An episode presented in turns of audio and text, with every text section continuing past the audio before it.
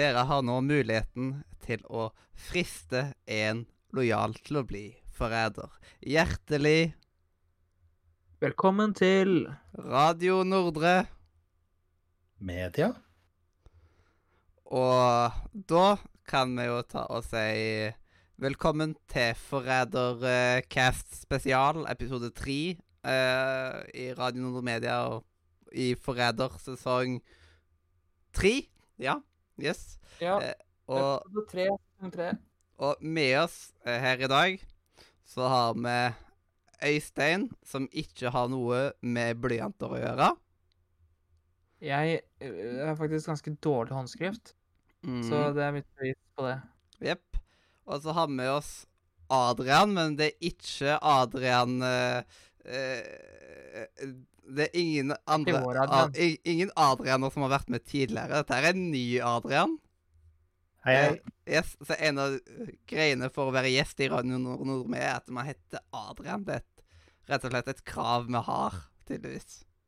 Hvis du Ja, heter heter Adrian og har lyst til å være med på en episode, send mail. Ja, Eller eventuelt bilde av navneskiftet. Ja. Yes. Ja, jeg, send jeg lik- fødselsattest. Vi jeg liker. Forræder eh, jeg liker Forræder veldig godt. Eh, og jeg forsto at en av, eh, en av dere har eh, ikke blitt drept, kanskje, eh, men er ikke her i dag. Han er Så jeg har blitt forsøkt fristet og takket ja til å være med på denne podkasten. Jepp. Eh, Simen er vel å spise fiskesuppa Ja, på den blå fisk.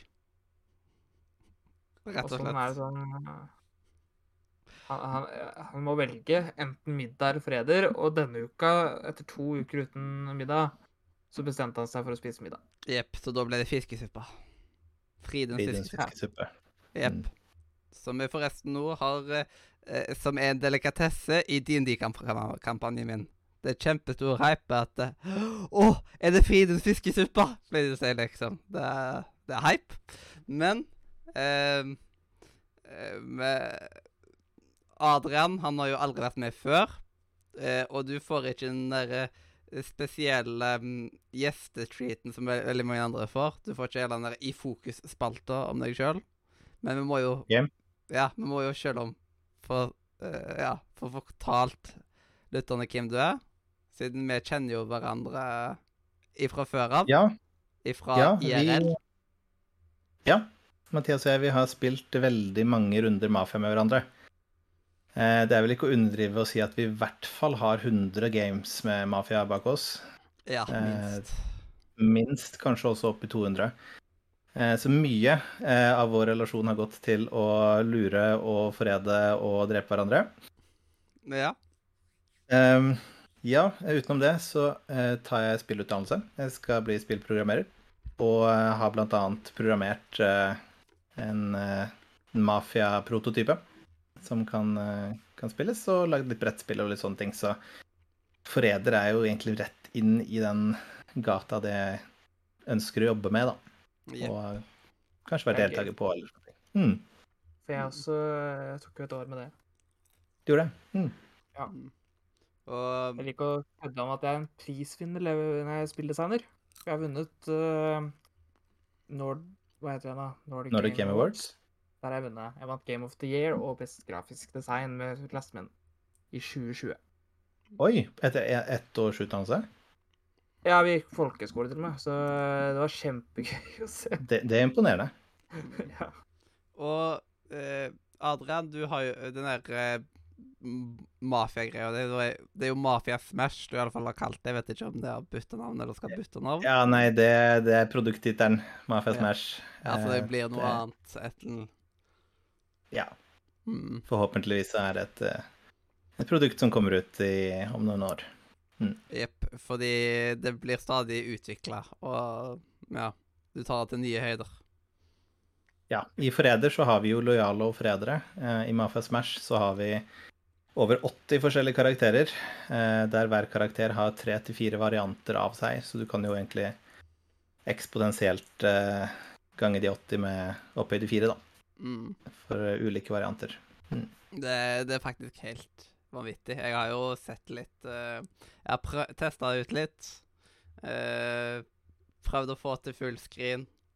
de der tinga der. Og se Ja, det er nok om det jeg plotter inn, er riktig. Og ja. Jeg er nok mye sterkere på selve programmeringa enn på alt det tekniske rundt, men, men ja. Mm. Men det, det går så jo, jo til. Du fikser jo fullskrin-problemer og sånne type ting etter hvert. Mm. Mm. Og eh, Forræder, det er jo en helt, helt eh, annen vri.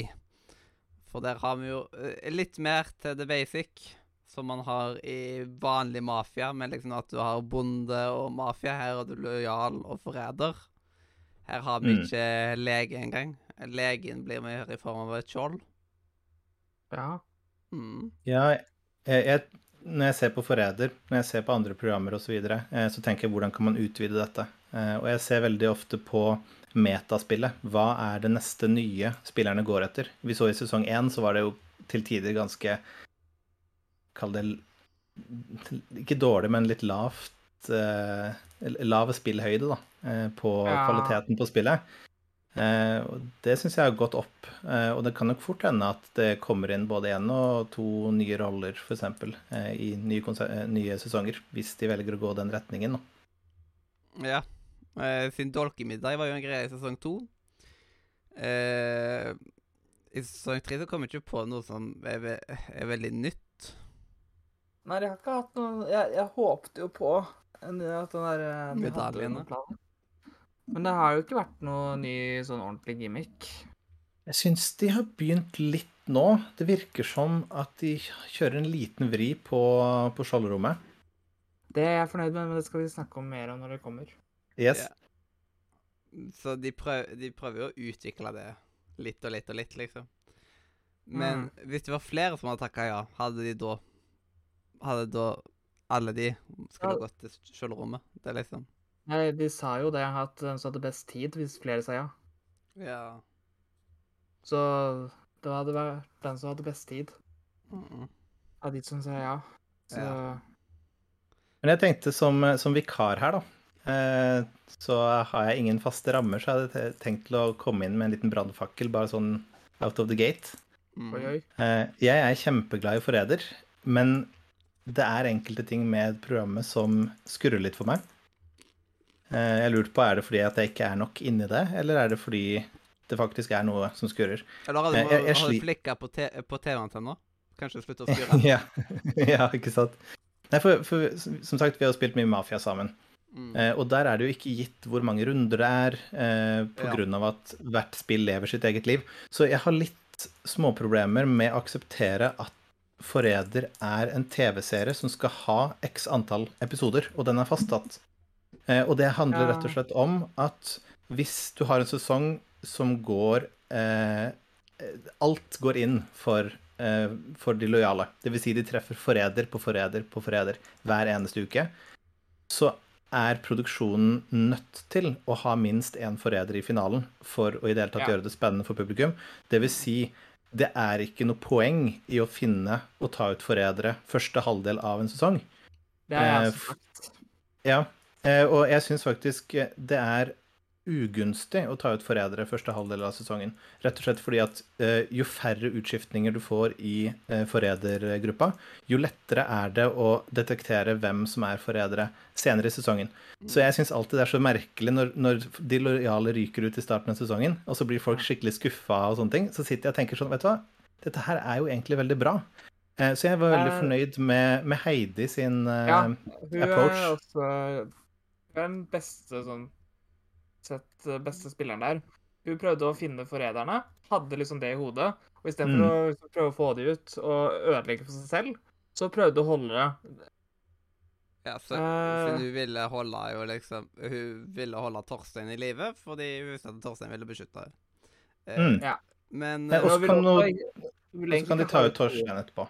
mm. Mm. Men for eksempel, for liksom eh, Når foreldre går på TV, så er det liksom sånn Da har de jo en bestilling på antall episoder og alt mulig sånt. Ja, ja, det. Nettopp. Og da måtte, det måtte, måtte, eh, måtte nesten vært da utkjent antall episoder. Ja, men det kan de ikke hvis det skal bevises på TV. Fordi Ja, at, nettopp det. altså, De kan ikke Ja, bare bare si du, lag en sesong og så bare to håpe så kunne de jo på en måte det, siden da gikk de jo ikke på TV. Ja, men det er fortsatt en bestilling. De har Ja. fortsatt bestilt Jeg vil ha Altså, TV 2 sa til et eh, produksjonsselskap Jeg vil ha så mange episoder. Gi meg det. Ja. Og så ga de deg det. De, de, og det er sånn det bare må bli, dessverre. Mm. Så ja, jeg tenkte bare å slenge ut den, eh, den brannfakkelen bare sånn out of the gate. Og bare si at eh, Ja. jeg er litt sånn jeg, jeg klarer ikke helt å kjøpe konseptet, men jeg liker det veldig godt for det òg. Ja, jeg syns det har vært veldig spennende på må Siden det at man lever i spillet fra eh, f liksom hele veien, ikke bare at man spiller noen timer på kvelden, det, Mm. det gjør en helt ny dybde i det. Så jeg syns det har vært utrolig stilig å være på en forræderleir eller et eller annet der man på en måte Ja. må være i en sånn boble og bare bli så gal i hodet. Forræder- for Eder leir er jo at det blir dritkjipt for de som eh, har meldt seg på en leir for å bli kasta ut i det etter en dag, liksom. Ja, da må de ha sånn som de hadde i Total Drama Island, der de har taperøye. ja. det liksom sånn Ja, at for blir- Men eh, Mats, eh, Mats Hansen, hvis du hører, så åpne opp for, for vanlige folk også. Få to sesonger, eller det har du kanskje uansett, men en, en sesong for folket og en sesong for kjendisene. Yes. Så yes. Mm. Men eh, det hadde vært veldig interessant å være med på et sånt Ja. Prosjekt der man faktisk skal leve litt i den der bobla. Selv om det er jo lettere når de gjør i TV liksom kan eh, sende folk ut til hotellet sitt og kjøre de frem og tilbake. Og, ja.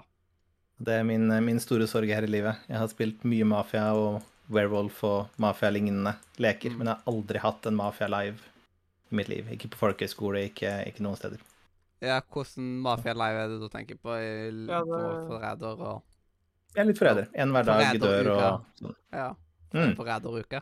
Vi skulle ha det på folkehøyskolen, men eh, så kom korona. Ah, Ikke sant?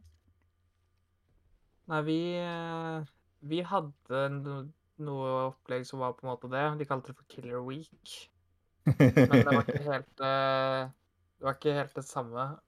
Men det var mer sånn at eh, var, For da var det alle var mordere, og alle var ofre. Men du hadde liksom en lapp.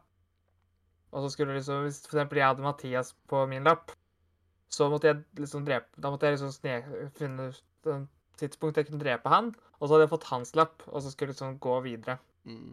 Men jeg Og liker, så var det om å få flest lapp. jeg liker konseptet med at eh, eh, forræderne møtes og faktisk kan snakke sammen, ikke bare gestikulere som man må i mafia og Ja, det er sant. Henne, og, Og, at man faktisk har muligheten til å kommunisere. Det er liksom sånn Ja, for det er så vanskelig å liksom Fordi det er en av de dårligere tingene med mafia, er litt sånn at du har ikke den der eh, enkle kommunikasjonen. Ja. Eh, jeg, jeg har spilt Town of Salem. Det er litt lettere, for der har du den der chatten. Mm. Eh, for det er jo også Det er jo basically varulv-mafia kombinert. Mm. Uh, kjempekjekt. Jeg tror jeg har sånn 100 timer på Steam. Eh, med noe selv. Men, uh, men ja. ja, som de hadde Da- sagt på, uh, på foreldre. Det er helt sykehus. Det er helt sjukt. Nei, men skal vi komme i gang med episoden, kanskje? Jepp. Eh, det er vel tid for Yes. litt eh, Ja, hva skal man si? Litt falsk i frokost. Ja. Yes. Men jeg digger vel, uh... eh, åpninga. Det- Jeg, jeg får litt vondt på Viggo sine vegne. Altså ikke din far. Men Ja, min far heter Viggo. Yes. Han er ikke en klovn. Men, eh, men ja. Uh... Nå har, nå har du jo avslørt i Victor og Rob ser på Forræder at uh, dette er jo ikke den frokosten de spiser. De får mat før de kommer, og at det er veldig få som rører maten egentlig i det hele tatt. Mm. Ja. Og man ser jo, de har jo tomme, tomme plater, holdt jeg på å si. Men det er tomme fat. Eh, med, de drikker juice, dessverre. Men liksom når eh, da eh, Viggo Venn på liksom skal ha et show for folk, og så er det ingen der. Men han fortsetter, vet du, for kameraenes del, og liksom tar Ja, han- han- altså. Han frir til eh, seerne i denne episoden her, altså i hvert fall starten. Der er Viggo sterk. Mm. Jeg, føler, jeg, jeg, jeg tror ikke han hadde gjort det hvis ikke det var kamera der. Ja, du, du han, hvis ikke, så er, så er han ikke helt frisk, nei. Nei, jeg regner med at det var bare Altså, det virker bare som at han uh, Han ville lage det Han hadde sin egen scene. Han hadde scene for seg selv for en gangs skyld. Ja. Og så utnytta han det. Det er jo klipt sånn, og, men jeg håper virkelig at han drakk av den eh, eh, blomstervasen idet Desta kommer inn.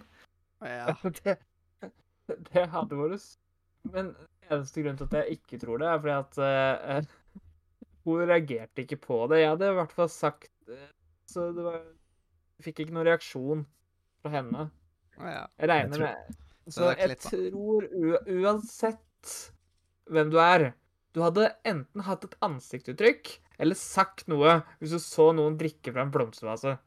Ja. Jeg, jeg tror ingen hadde vært liksom sånn Nei, det her er jo helt normalt. Eh, Eller jeg jeg tror at det, man, man blir ikke overraska over Viggo venn, liksom. Det på Eller Viggo, Viggo har gjort så mye ut av seg som han kan i forhold til hvor lite han spiller spillet. Ja. Eh, han får veldig mye screentime for lite arbeid, eh, føler jeg. Jep. Ja. ja. Men man trenger litt sånne type folk også, med sånn avbrekk. Han er liksom Yes. eh, sånn comical relief-karakter, han. Ja. Jeg håper han varer lenge. Jepp. Jeg er blitt veldig, veldig glad i han. Men jeg fikk jo på en måte delvis ut av at han ryker ikke med en gang, i alle fall. På grunn av at jeg tok jo og møtte på han um, og, spur, og da tok jeg uh, og spurte liksom uh, Sånn uh, Ble du liksom Ble du ikke sprø av å være inni der og sånt? Altså, Da tok han og sa at Jo, kjente det jo etter hvert, og da sa han jo jeg han to, Så sa han jo Mm. egentlig at mm. da røyk han ikke med en gang, liksom. Mm. Nei. Men eh, en ting jeg bet meg merke i i den samtalen mellom Desta og Viggo på morgenen der, det var det at Desta sa at hvis ikke Fridtjof hadde gått dagen før eh, Man kan jo si mye om Desta i denne episoden her, eh, det kommer vi sikkert mer tilbake til, men hun sa det at eh, hun hadde antageligvis låst seg fullstendig på Fridtjof eh, dagen etterpå og begynt å se etter eh, oppførsler i han. Og jeg tenker jo sånn at det er en veldig dårlig taktikk for lojale å gå etter. Altså låse seg helt fast på en person. For du vil oppleve den selvoppfyllende profetien. Du vil se ting, og du vil bare legge til mistanke. Eh, Ja. Mm. Hvis, Så- hvis, du har lyst, ja. hvis du har lyst til å ha eh, noe der, så er det lettere å se det. Hvis Ja, du liksom Det er akkurat som at det er alltid lettere for meg å se når, når bro, at broren min eh, Joakim er mafia. For jeg leter etter Ja, for- områder på du har- ja. For du har Du bygger opp en, eh, det de kaller for en headcanon. Altså dine egne tanker. Som Mm. Du er liksom 100% sikker på det. Og da kommer du ikke til å på en måte se Altså da kommer du bare til å se én side av den saken. Du, du kommer til å ta på alt mulig rart som ikke kan tas på. Mm. ja, akkurat det. Dette er, eh, det er liksom det nærmeste jeg har fått beskrevet hva uttrykket headcan med Jeg har hørt folk bruke ordet headcan mye, men jeg har aldri skjønt hva det betyr. Og ja, det er din egen Altså, canon vil jo si så holdt på å si fasitsvar, og så er det som er din, ditt fasit, Ja. basically. Når jeg spiller spill som er forræderlignende spill, eh, der jeg skal prøve å avsløre folk fra å lyve, så pleier jeg ofte å visualisere for meg en slags bar over hodene på hver deltaker, som går fra 0 til 100 eh, Der den er grønn når den er under 50% og den er rød når den er over 50% Og for hver lille ting personen gjør hele tiden, eh, så legger jeg til et par prosent eller trekker fra et par prosent. Eh, Og hvis det er en person som har liten mistanke, så bruker jeg mindre tid å fokusere på de. Men jeg må være veld, passe veldig på at ikke det er én person som har kjempestor mistanke hele veien. Da, da er det noe gærent uh, som foregår. Uh, mm. Det har vært interessant å vært med i Forræder, altså. ja, det er helt sant. Det hadde vært en opplevelse. Jeg lurer på hvordan der, eh, hjernen din funker. Det skjønner liksom det aldri. Det, man Men blir eh, videre Ja, ikke sant. Eh, videre i eh, frokosten så var det jo veldig fokus på Viggo Desta i starten, og så bare rant det inn med, Ja. med folk. Ja. Eh, så det Utenom det så var det vel ikke veldig mye relevant på ikke frokosten Det før det siste. Det viktigste å si altså, det er at Morten er veldig under radaren. Det var veldig mange som var veldig på at han han er den hyggeligste. Han kan ikke være Ja, ja, det er så bra. Ja, det er i alle fall ikke han. Og bare- er i hvert fall ikke han. Det er liksom det, Ja, så det, blir han den nye Katrine, lurer jeg på. det virker jo som at han allerede er på vei til det. Og det samme med Victor også. Det virker som at det er de- enten at de klipper det sånn, eller at det faktisk er sånn at en av forræderne alltid klarer å komme under radaren på en eller annen måte, da. Men jeg tror ikke den kommer til å holde ut helt til finalen, liksom. Men siden etter hvert så blir kommer til å bli søss at de lever ennå. Ja, for det er Mm. nettopp det. Eh, Jo mer likt du blir, og på en måte alle Jo rarere er det at du overlever natta. Ja, der burde metagamet catche opp nå, syns jeg. Eh, Nå har vi både hatt Victor og vi har hatt Katrine. Eh, De som er uskyldige og går under radaren, de bør mistenkes mye raskere eh, i denne sesongen her, mener jeg i hvert fall. Ja, og jeg, hvert fall, Oscar er nok veldig Han er nok litt mer på metagamet. På grunn av Ja. at han har vel sett de tidligere eh, sesongene. Og da virker det som at han er den personen som kommer til å tenke litt mer meta. Nei, fordi Ja, eh, ja. det jeg ser for meg i hvert fall sånn Du kan tenke den der eh, uskyldige radarfolk sånn halvveis inn i gamet. Vet, så nå i starten er det sånn nå, nå tar de hvem som helst, på en måte. Det spørs også veldig hvor, hvor åpenbart det er. Eh, men eh, jeg føler for eksempel Morten at eh, det er ikke like mistenkelig nå, men det er bare jo lengre ting varer. For eksempel det at Victor ikke ble mistenkt nesten i det hele tatt Mm. eh, var veldig rart når de hadde kommet til liksom Han kom jo til finalen. Eh, og du burde ha tenkt på det Han hadde mye skjold, da. Ja, det er sant. Men, han, men jeg tror aldri han nevnte at han fikk skjoldet noen gang. Og så var han med i et veldig sterkt firkløver. Ja, det, Ja. det kan vel aldri dannes et firkløver igjen etter sesong to. Eh, det tror jeg ikke. Men i forhold til Oscar, da. eh, Du nevnte han. Eh, han overrasker stort for min del. Jeg følger ikke. Oscar. Ja, jeg følger ikke han, men jeg følger han gjennom hva media sier, og de er jo ikke akkurat så veldig positive. Men han for meg overrasker veldig, og spesielt den derre det er eh, flesteparten damer-teorien hans. Den, den, er- den syns jeg er sterk, for du, du har eh, Oscar, og så har du David, som virker som er litt De henger sammen.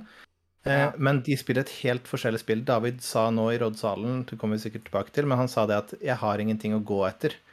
Eh, men det Oscar gjør, han graver etter ting å gå etter. Ja, for han ser Eh, smådetaljer. Ja, han gjør det. Eh, og det at de Og kaffe og ja. Men altså, nå er det jo bare damer som har gått, med unntak av Fridtjof, da. Eh, så det skrumper jo inn på antall muligheter han har til å bomme nå. Eh, så de må nok få ut flere menn nå, ja, for, å, ja. for at ikke han skal bli helt dominerende, Oskar. Mm. Ja. Um, er vi ferdig med frokosten nå, eller er det noen som ikke har drukket eh, helt opp jusen sin ennå? Ja, en siste ting for min del. Eh, Ok. Jeg tror Jon Martin ender opp i finalen. Med bakgrunn i at han sa eh, De valgte å ta det med i klippen. At Jon Martin sa 'Jeg kommer sikkert til å bli eh, rundlurt i finalen', sa han. Eh, og at de tar det med i klippen, det syns jeg er litt suspekt. Så jeg har en liten knapp på at Jon Martin kommer til å overleve lenge. ja. Ja. Jeg, tror han etter hvert kanskje kommer til å kjøre ut med greiene om Altså, han var han, øh, forræderen som sa nei. Mm. Fordi det, er jo òg et S-hjerme han har. Og ja. Eh, og Ja, i- hvert fall å overleve på dagen, men ikke på I sesong to Nei, eller Nei, fra sesong én med Randi, eh, så tok han jo ikke og sa til alle, liksom, at han tok og sa nei og sånt. Eh, Han sa det liksom til Å, Hva het han der um, Å, Mørk. Han der um, Å, Erlend. Erlend Mørk. Elmørke. Ja, Mm. Han sa liksom kun til han, liksom, og sånt. Og det gir liksom mening å ikke si det med en gang. At det, 'Hallo, hallo, jeg tok og sa nei', liksom. Så så da blir du på en Mm. måte en veldig Du blir en målskiver for, uh, for forræderne. Og det er ikke vits i å bruke alt kruttet i de første episodene. Men jeg har en annen ting også, er at eh, Det er en ting som er veldig egentlig lurt å si veldig tidlig, og ikke sent. Fordi at Si at du eksempel sparer det til liksom Når du er på semifinalen, så er det veldig lett for en forræder å gamble på at han som har takka nei, har vært ute. For da Mm. kan du bare si at Nei, jeg, jeg jeg, forræder Jeg sa ikke nei, og så er det sånn det, det er veldig risky, da, men altså sånn nærmere finalen Hvis ingen har sagt at det er dem, så er det veldig lett for å få et liksom-alibi. Så det er mer lurt å si det helt i starten, fordi at da kan alle folk men, øh, Si at alle er i live, Mm. og jeg sier at jeg var han som sa nei, så Men- kan jo øh, liksom de Da vet jo Vi vet fasiten. Får du et For da sterkt kan alle nok, bekrefte det. får du et sterkt nok al- alibi, så blir du til zero. Og Ja. blir halshugd så fort uh, det lar seg gjøre. Ja, problemet med å si det seint er jo at den som Hvis du du, da ja, si, at du, si at du er forræder, da, eh, og du ønsker å, eh, å lure de andre, så er det jo større Ja. sjanse for at den som har takka nei, har røket ut på et tidligere tidspunkt. Det er nettopp det. Eh, Men hvis Ja. du gjør sånn Hvis du gjør Randi-teknikken, så vil jeg si at det er litt lurere, siden da har du liksom noen få som du stoler på, og da kan de på en måte gå Mm. god for deg hvis de er noe lever, at eh, han sa til meg for så og så lenge siden. Ja. jeg, jeg tror det er en ulempe å si det. eh, Punktum. Jeg tror egentlig det er ut. Mm. Altså, ja Jeg, jeg tror det er så viktig game changing, egentlig. Altså Jeg tror det bare ender opp med at den som sier det, ryker ut på et eller annet tidspunkt. Ja, enten så ryker du ut med en gang, eller så ryker du ut på natta. Så det er liksom Mm. Det er ikke så viktig for meg. Altså, jeg tror ikke det Ja. Jeg tviler på at det er det som får han til finalen. At han eh, Men uh, etter frokosten, da Nå er vi ferdig med Ja. Det var jo det var en som døde, da. Ja, og da, Ja.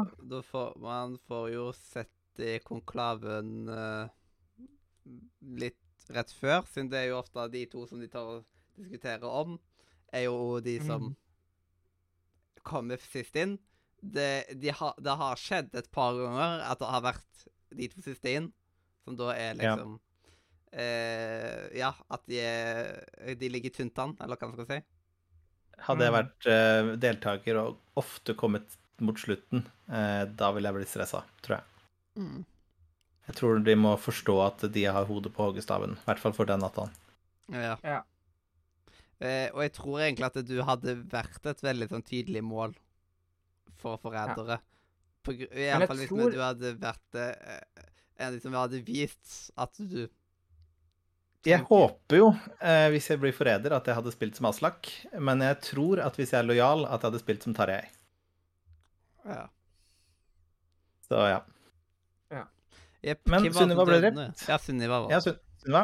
Eh, det var egentlig, vil jeg si, et veldig godt uh, trekk fra forræderne.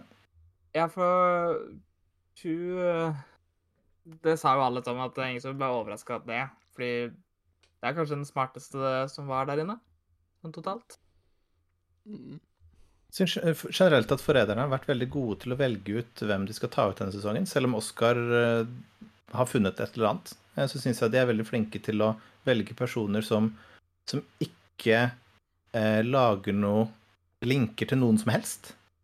Ja, det virker sånn de De prøver på en måte å lage litt altså De har jo sagt det selv at de prøver liksom å lage litt kaos. At de ikke på en måte har et veldig tydelig mønster.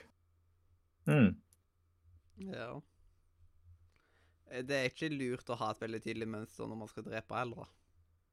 Det er jo nettopp det. Som at uh, Ja. Så de har tenkt smart der. Ja, Selv om men det virker som en trio som er generelt ganske udugelige folk, så virker det som at de har klart å funnet ut av den, da. At det er en strategi som funker. Mm. Jeg syns det er nesten en, litt sånn den perfekte ensemble av forrædere ifra den gjengen man har å velge ut ifra. Eh, For de er på vidt forskjellige plasser. Det virker ikke som de egentlig har noen linker til hverandre, enten utenfor spillet eller inne i spillet. Eh, Det er vanskelig også å se et mønster med de tre, da. Mm. Jeg føler at det har ofte at det har vært en del av det i Forræder. Jeg føler at av de tre Jeg er elendig på navn. Det er en sånn ting som ikke er akkurat en hemmelighet. Eh, jeg husker ikke hva- heter hun som var uheldig med frokosten? eh, Karina? Ja. Ja, for hun var den eneste på en måte som har vært på radaren. Sånn ordentlig. Ja. Eh, sånn utenom den der eh, medaljegreia som ikke har egentlig betydde så mye. Fordi Ja, men- 90 av folk har kødda. Ja, Eh, men der, jeg føler hun er litt mer på den der Jonas Rødmør og eh, Robin sier han er forræder. Eh, hun ble med seg også i starten. Eh, det er litt tips som happ om det er forræder eller ikke, da. Ja, men jeg har hatt Jeg merka også i bilen eh, i, Tror det var i bilen. Så var det hun som var sånn Hun prøver virkelig å virke uskyldig med å si 'Jeg tror ikke det er noen forrædere' og sånt. Og det er sånn Hun virker Mm. Hun er litt for tryhard, på en måte. Ja, Karina snakker for mye. Ja, Hun er så- Jona, litt Jonas der, egentlig. så eh, Ja. så Hun føler, hun føler hun må bevise noe eh, Ja. med å snakke. Mm. Så jeg tror, eh, i hvert fall ut fra det jeg har sett bare i klippen, og sånn, så virker det som eh, det er hun som på en måte er mest Og så virker hun så stressa hele tida. Mm. For det er liksom det eh, Jeg husker jo også under den der konkurransen, så var hun veldig sånn der eh, Hun er så overeng... Altså, hun er så skikkelig sånn derre Virker som at hun vil ikke på en måte være Hun er redd for å på en måte falle i bakgrunnen, slik at folk Mm. ikke snakker med henne om det. Ja. Ja, den første, veldig som sånn- pluk, den første som plukker opp på det, tror jeg kommer til å starte en ganske stor eh, snøball som begynner å rulle altså mot henne. Ja. For det virker som en litt sånn character trait for Karina Jeg, Jeg tror ikke hun kommer til å holde ut til finalen. Det er jeg rimelig sikker på. Jeg føler ikke at hun er sterk nok som forræder der føler jeg det, Av de tre så føler jeg Morten ligger best an, i hvert fall Ja. nå.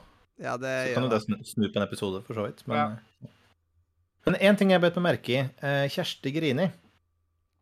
Hun Ja. snakker som en lojal. Hun er veldig på å dra i gang og øke tempoet i jakt på forrædere. Eh, når, når hun prater. Hun, hun prøver å få en progresjon i, eh, eh, i spillet. Mm. Og det er veldig utypisk mafia. Eh, i, hvis jeg hadde opplevd en spiller i den situasjonen, så ville det mest sannsynligvis gjort at jeg mistenkte den personen mindre. For det er ikke i forræderens eh, interesse eh, å begynne å øke tempoet. De ønsker jo gjerne at tempoet skal holdes nede så lenge som mulig. ja. Ja. Og så har vi eh, Tamana, den siste forræderen, som eh, Som Jeg pleier å kalle for hun lille. Vel, for så vidt. Men hun, hun føler jeg hun spiller også litt for hardt. Ja. Dette med å ha boka åpen i bilen og prøve å liksom å si Se, jeg kommer med Ja. teorier, jeg Det også. er en detalj sånn. i den live Jeg la merke til det at det, det var, hun var den eneste som hadde boka åpen og liksom eh, Så ut som hun prøvde å skulle skrive noe. Mm. ja. Og be, da var, hun hadde vel best til å lyge eller et eller annet sånt. Det var et eller annet sånt. Du, du så hva som sto på den også? Nei, de sa det. Mm. Ah, OK. Ja, Ja. Han som satt ved siden av henne, sa under eh, sånn eh, at eh, det var det som var, gjorde at han ble litt mest mistenkelig på. Mm. Så er det Eh, en, en siste ting med bilene som jeg stusser også litt over, og det er i disfavør forræderne. Eh, igjen så sitter forræderne i ulike biler. Det må forræderne stoppe med, rett og slett. Forræderne må begynne å eh, så tidlig som mulig, egentlig, begynne å sette seg mer sammen i biler. Kanskje alle tre i samme bil på et tidspunkt. For folk skriver det ned. Ja. Ja. Det, det er sant. Det Ble- jo ble, De ble jo skutt i leggen av det i sesong to. Mm. Så egentlig så burde de passe på at minst to av de er i samme bil, men ikke samme, he, de samme to hver gang. Men at de Mm. bare all, alle tre har alt liksom har i løpet av spillet vært i bil i en duo. Mm. Mm. For da sånn som vi Ikke kan si at Å, men dere har jo aldri vært i bil sammen. Så- nettopp sant? For, det virker, Eh. nå, for det er veldig tydelig at uh, forræderne har lyst til å gjøre det fordi de har lyst til å ha ører på alle plassene.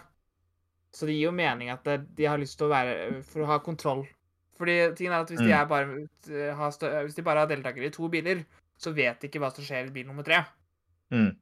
Uh, og det er det de veldig tydelig har lyst på. De har lyst på informasjon. De har lyst til å ha jo- ører på alle steder. Og det er jo tidlig det lurest å liksom eh, Ta og ikke være så nøye hvilken bil man setter seg i, og at det ikke er så farlig da. Det er jo mer i late game at det har veldig mye å si, siden da, ha, da må liksom Du må være mye mer med, liksom. Ja, Ja, jeg tenk- jeg for nå at I starten så er det ingen som tenker over det. så De burde egentlig bare planta liksom, det der å ha vært med bilene nå i starten når det ikke betyr så mye uansett. Og heller liksom i slutten passe på at de er i forskjellige biler. Mm. Ja, jeg tenker det også at nå har vi hatt to sesonger hvor forræderne som regel aldri sitter i bil sammen. Eh, metaspillet er der. Folk ser etter hint der, og det ble gjort et poeng av det i sesong to også. Da Yes. bør de begynne å mikse opp formelen. Og at det der med at Katrine alltid tok og styrte, kjørte Og det Jeg husker ikke hvem av forræderne, men det var en av forræderne det, var- det var vel, Karina som har holdt liksom eh, Som har holdt seg til å kjøre, i alle fall. Ja. Så, så der har hun tatt en Katrine. Ja, for de to andre har ikke eh, kjørt mye, i hvert fall. Jeg har ofte sett de bak. Jepp. Eller framme. Hun hun Lava har alltid vært litt framme også. Enten har hun sittet liksom midten i, i, i baksetet, eller så har hun sittet eh, liksom passasjersetet foran. Ja. eh, Midten i baksetet, det er så Simone-setet. Ja. Ja, det er, ja. Ja. Det, det, det, Wow. den, den som er minst, skal sitte i midten, liksom. Det gir mening, sånn egentlig. Ja. Men ja. Uh, men uh, i hvert fall skal vi gå over til konkurransen. Yes. Kan jeg da slenge ut en uh, ny brannfakkel? ja. Oi. Eh, jeg skjønner at de må ha noe i programmet som ikke bare er spill. Eh, men personlig så skjønner jeg veldig lite av eh, det spillmessige med konkurransene. Eh, som jeg ser det, så er det forræderne som ønsker å ha mest sølv. For det er færrest forrædere gjennom en hel sesong, så, det, så potten fordeles på færre personer gjennom en sesong. Litt avhengig av hvordan man ønsker å gjøre det, da. Men sannsynligheten er i hvert fall at det er færre som deler potten hvis det er forrædere. Derfor ville jeg tenkt det er forræderne som er gira på å få skjold, nei, på, på å få sølv. Eh, Men sånn som det prosjekteres gjennom programmet, er ofte det at eh, det at du vil gå for sølv Nei, det, det, det at du vil gi vekk sølv, det er et trait på at du er forræder. Men da tenker jeg ja, men det er jo helt motsatt, er det ikke det? ja. Nei, ja, for det er nettopp det. Hvis jeg hadde hatt eh, For jeg, jeg har sagt dette sikkert tusen ganger, men hvis jeg hadde hatt liksom to potter, en forræderpott Fordi problemet er at sånn sånn det er nå alle vil jo egentlig vinne. fordi det her, eh, altså Alle vil jo ha sølv fordi at hvis de vinner, så er det penger, mer penger de vinner.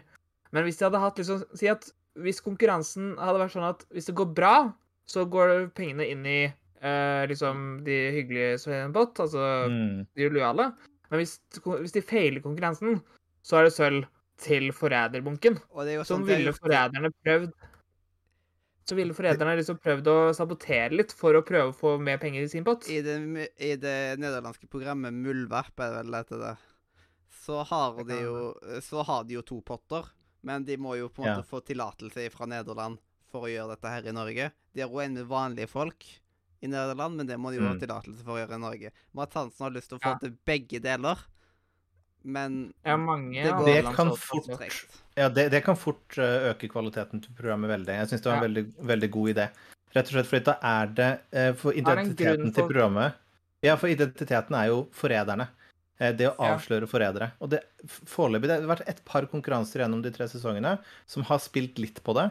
Mm. Men jeg syns ikke konkurransene favner om identiteten til programmet nok, da. Det er ikke nok Nei. spill her for å kunne avsløre folk i konkurranser. Eh, Jeg skulle ønske at det, konkurransen ikke skulle vært et fristed for forræderne til å bare leke og ha det gøy, men at det skal være litt Ja. spill der, da. Jeg fikk jo inn et spørsmål til Matt Hansen i en podkast om akkurat det med liksom forræderpott og forskjellig sånt. Så var Ja, okay. vel, eh, da var det godt å høre at han faktisk har lyst, og har egentlig tenkt til det. Så jeg bare sitter Mm. og krysser fingre på Kanskje neste sesong. Det kan være sesong fire. Ja, det- må, må finne litt seg sjøl, finne sin identitet, de også. Så, men De må bli det kan godt hende at det blir standard etter hvert. Forræder må bli den beste versjonen av seg sjøl. Men eh, nei, fordi at uh, det med vanlige spillere er jo Det er jo ikke bare Nederland som har det. Det er jo uh, UK-versjonen også, er jo vanlige folk. Sverige har jo begynt. Ja. Men jeg vet ikke om de er Jeg har ikke sett Sverige. Jeg vet at, du, øh, jeg vet at USA har vanlige folk. Eh, men jeg vet ikke om Sverige har kjendiser eller hva det er. Det er jo Det er jo veldig vanlig i USA å kjøre vanlige folk. Eh, og så har de Mm. returning player seasons, og så blir folk kjendiser via de programmene. Ja. Men uh, uansett uh, om vi er fornøyd med konkurransen eller ikke Ja, Mastermind. Det var, det var liksom Jeg, jeg syns det var veldig rotete hvordan de skulle liksom deles inn i grupper. De, de klarte liksom ikke å bestemme seg, og jeg syns det var jeg, jeg, jeg liker litt bedre de- andre konkurrentene. Det er første gang det virker som at de ikke har noe kontroll på De burde liksom De burde hatt det litt enklere for de. Kanskje Altså, det, jeg skjønner denne konkurransen hadde ikke fungert sånn, men hatt konkurranse hvor det gir mening at de bare deler ut. Du er der, du er der, du er der. Eller liksom, for eksempel Eller et eller annet Sånn som første episoden, da. Hvor de bare liksom sånn sa ja, hvem er lat, hvem er uh, sterk, og være sånn eh, Når du skal liksom tenke liksom at alle Det her er jo ikke forskjellige For da var det forskjellige kategorier. Nå er det bare tre grader av smart. Ja. Og da er, det liksom, da er det så mye mer diskusjon. ikke sant? For da er det så mange sånn ja, og, så, og så vet de hva det betyr. Det er også problemet. Fordi at de fikk vite at den som er smarte, de skal ha fire De hadde fem forsøk, var det vel? Og så var det de som var mellomsmarte. De fikk vite nøyaktig hva det betydde. Og det gjør at man tenker ja, De burde hatt bare noe sånn derre Ja, er du smart, mellomsmart eller dum? Mm. så burde du ikke fått vite hva det betyr. De burde bare liksom sette seg inn i eh, De burde ikke liksom tenkt For da brukte de så lang tid på å tenke «Å, Det er tallrekker, ja. OK. eh, vi skal, skal Er fem forsøk nok for meg, da? Det Altså, virker nesten litt som en karakterbrist fra programmets side. For de er jo, har jo vært veldig flinke på å ha litt morsomme kategoriinndelinger og sånne ting. Ja, Ja. sånn uh, uh, Abofobi, eller ja Tre forskjellige fobier. Ja. Ja Men jeg tenker jo litt-. Ja, jeg tenker litt at uh, grunnen til at de legger opp til at de kan fordele seg sjøl, er fordi at de vil få inn noe av spillet, har jeg tenkt da. At uh, Mm. hvis Ja. man er litt brauten og tar ordet, så kanskje man får mer mistanke mot seg og sånne ting. Men det er på en måte ikke der man skal se etter forræderne. Og det, det, det er heller ingen Altså verken lojale eller forrædere har noe å tjene eller tape på å få litt fortgang da i prosessen. Ja, fordi at uh, det viktigste Altså, alle, begge sider har lyst på sølv. Mm. Så det er liksom Ja, for der, der kommer det med to potter, for hvis du da Ja. uh, har en Hvis alle sølvbarene man taper, går til forræderne, f.eks., for Ja, uh, så, vil jo, så vil jo forræderne prøve å manipulere sånn at de får folk på feil plass osv. ja Der har du spillet med en gang. Mm. Og hvis du For da er i det så- tillegg Da hadde det vært så mye lettere å OK, for det, sånn, OK, jeg ble satt i den gruppa der. Var det, var det riktig, liksom? Mm, Ja. mm. Og i tillegg så kan det jo være at forræderen da har- vil fordele seg på forskjellige grupper. Mm. Der Ja. og er For å liksom prøve å manipulere, ja.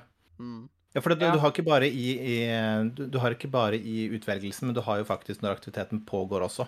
Og prøve Ja. å feile for laget ditt. Mm. Ikke sant? Og Og så må du prøve å Det er jo ikke bare Liksom hvis vil- ett lag har egentlig alle forræderne på seg, og så er det det laget der som ikke klarer oppgaven. For eksempel. Ja, men, Men- det kan også skje med uhell. For eksempel, eh, de klarte jo Denne gangen var det vel tre lag, og bare én av de som feila. Jeg la ikke merke Jeg husker ikke hvem som var på den gruppa, men det var jo tilfeldig eh, Liksom det, det var ingen som på en måte tenkte over det. For det kan jo Uhell skjer. Det er liksom det som hadde vært spennende med det, er at Mm. ja, det, det kan være sabotasje. Det kan også være et uhell. Det kan bare hende at de er dumme. ikke sant? Mm. Men er- eh, de, de klarte seg ganske godt, da. Eh, jeg satt og Ja.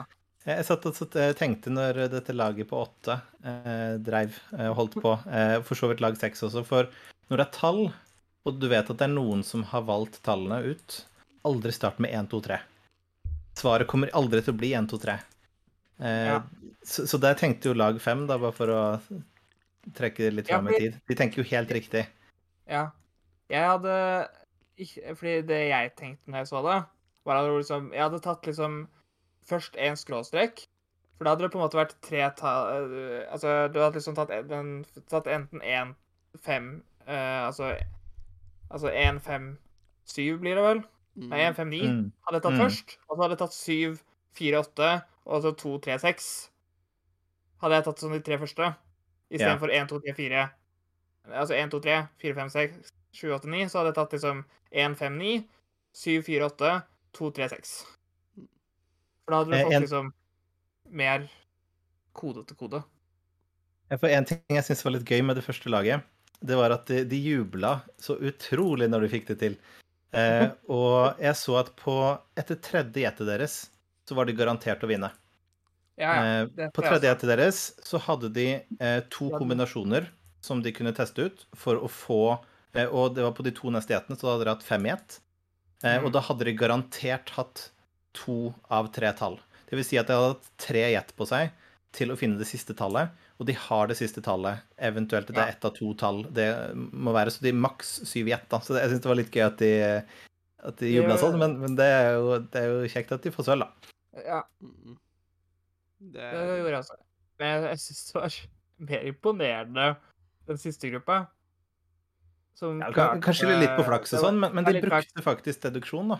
De tenkte litt. Men, men det var en veldig lett kode, for det var vel 369. ja, siden Ja, man kunne jo den var overraskende lett. Strek, liksom. Så det var bare heldig at de tilfeldigvis tok den ene rekka. Mm. Men jeg, te- jeg jeg begynte å tenke liksom eh, Om de hadde satt alle på sånt, at det hadde vært en ekstra layer av uh, tanking, tenk, tankegang. Så at ene boksen Ja, hadde den linja, og så andre boksen den. Men jeg klarte ikke å huske hva var den første koden, liksom. 2, 6, 4 eller det var 642 Nei, nei 625 er det. 625. 625 OK, var det. da går ikke det opp. Uh... Men jeg satt og tenkte under det siste laget, uh, når de begynte å skulle ta 369, da. Da tenkte jeg litt Ja. sånn som deg, Øystein, at å nei, dere må ikke ta det. Dere må ta én fra hver, eller altså finne et mønster, eller Ja. For 369 er det i hvert fall ikke, men, men det er i bedre enn 1, 2, 3. Og så viser det seg å være rett på første forsøk. Det var så Det var så Det var, det var gøy. Ja, Jeg, altså, ja. jeg hadde også forventa at de på en måte hadde gitt eh, de hadde jeg, jeg hadde forventa at de hadde gitt en mer avansert Altså en mer avansert kode til de smarte i hermetegn, ikke sant? Fordi Og 369 var vel Vi fikk jo ikke vite hva som var kode nummer to. Ja, var det ikke det Oskar Eh. snakka om? At eh, de trodde at de som var mange, skulle få flere tall å bryne seg på? Noe sånt? det, det skjedde jo ikke. De hadde jo 1 til 9 i alle tre lag. De hadde bare Ja. færre muligheter. De hadde bare liksom Mm. færre gjett. De hadde større fallhøyde. Eller Ja. Men jeg, jeg, jeg synes konkurransen i seg selv var så som så, men det som kom etterpå, det likte jeg skikkelig godt. ja! Eh. Det var, det var så spennende. De skulle lete etter skjoldet i et, en lagerbygning, eh, og alle Ja. fikk like muligheter, og alle fikk muligheten til å finne det. Eh, Og de som fant det, de hadde muligheten til å gi seg selv skjold måtte gi vekk hele premiepotten. Mm. Det var gøy, synes jeg. Det var en ny twist som bare var et friskt pust inn, ikke bare en sånn tilfeldig utdeling eh, skjoldrom. Men en ting jeg skulle ønske uh, Mest fordi at det var den der at uh, hvis de hadde ikke kosta sølvet, og hvis det bare var liksom uh, den som var raskest til å finne det, slik som de hadde vært hvis flere hadde sagt ja, Mm. så hadde det vært mer spennende neste natt. For da hadde alle. Vært uh, Altså, da hadde alle Da måtte de ha angrepet skjoldgruppen, for alle var skjoldgruppen. Mm. Men nå har de ikke en skjoldgruppe, fordi at Mm. ingen Så jeg, jeg skulle ønske at det ikke ofra sølvet for det. For da hadde liksom det bare gått på tid, og da hadde det vært mer spennende. For da hadde det vært første gangen hvor forræderne blir tvunget til å risikere å treffe skjoldet. For det har liksom ikke skjedd før. Det er liksom det som har vært mitt problem med skjoldrommet, er at uh, hvis du er i skjoldrommet, så er du trygg.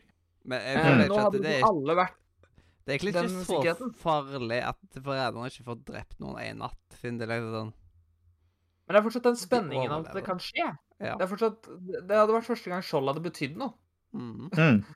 Jeg, jeg vil jo si som, som forræder sjøl, da. I hvert fall sånn som oddsen var i forrige episode. Da var det ti stykker som gikk i- i skjoldrommet.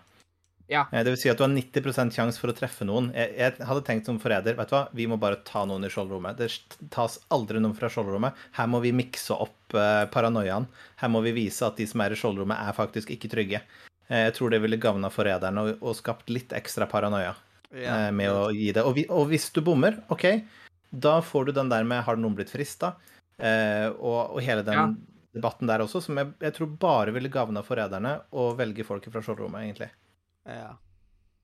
Ja, men samtidig så er det sånn da, Hvis du har liksom lyst til å få ut noen, så er det veldig godt å ha sikkerheten øh, For de tenker jo alltid smart på hvem de har lyst til å ha ut. Mm.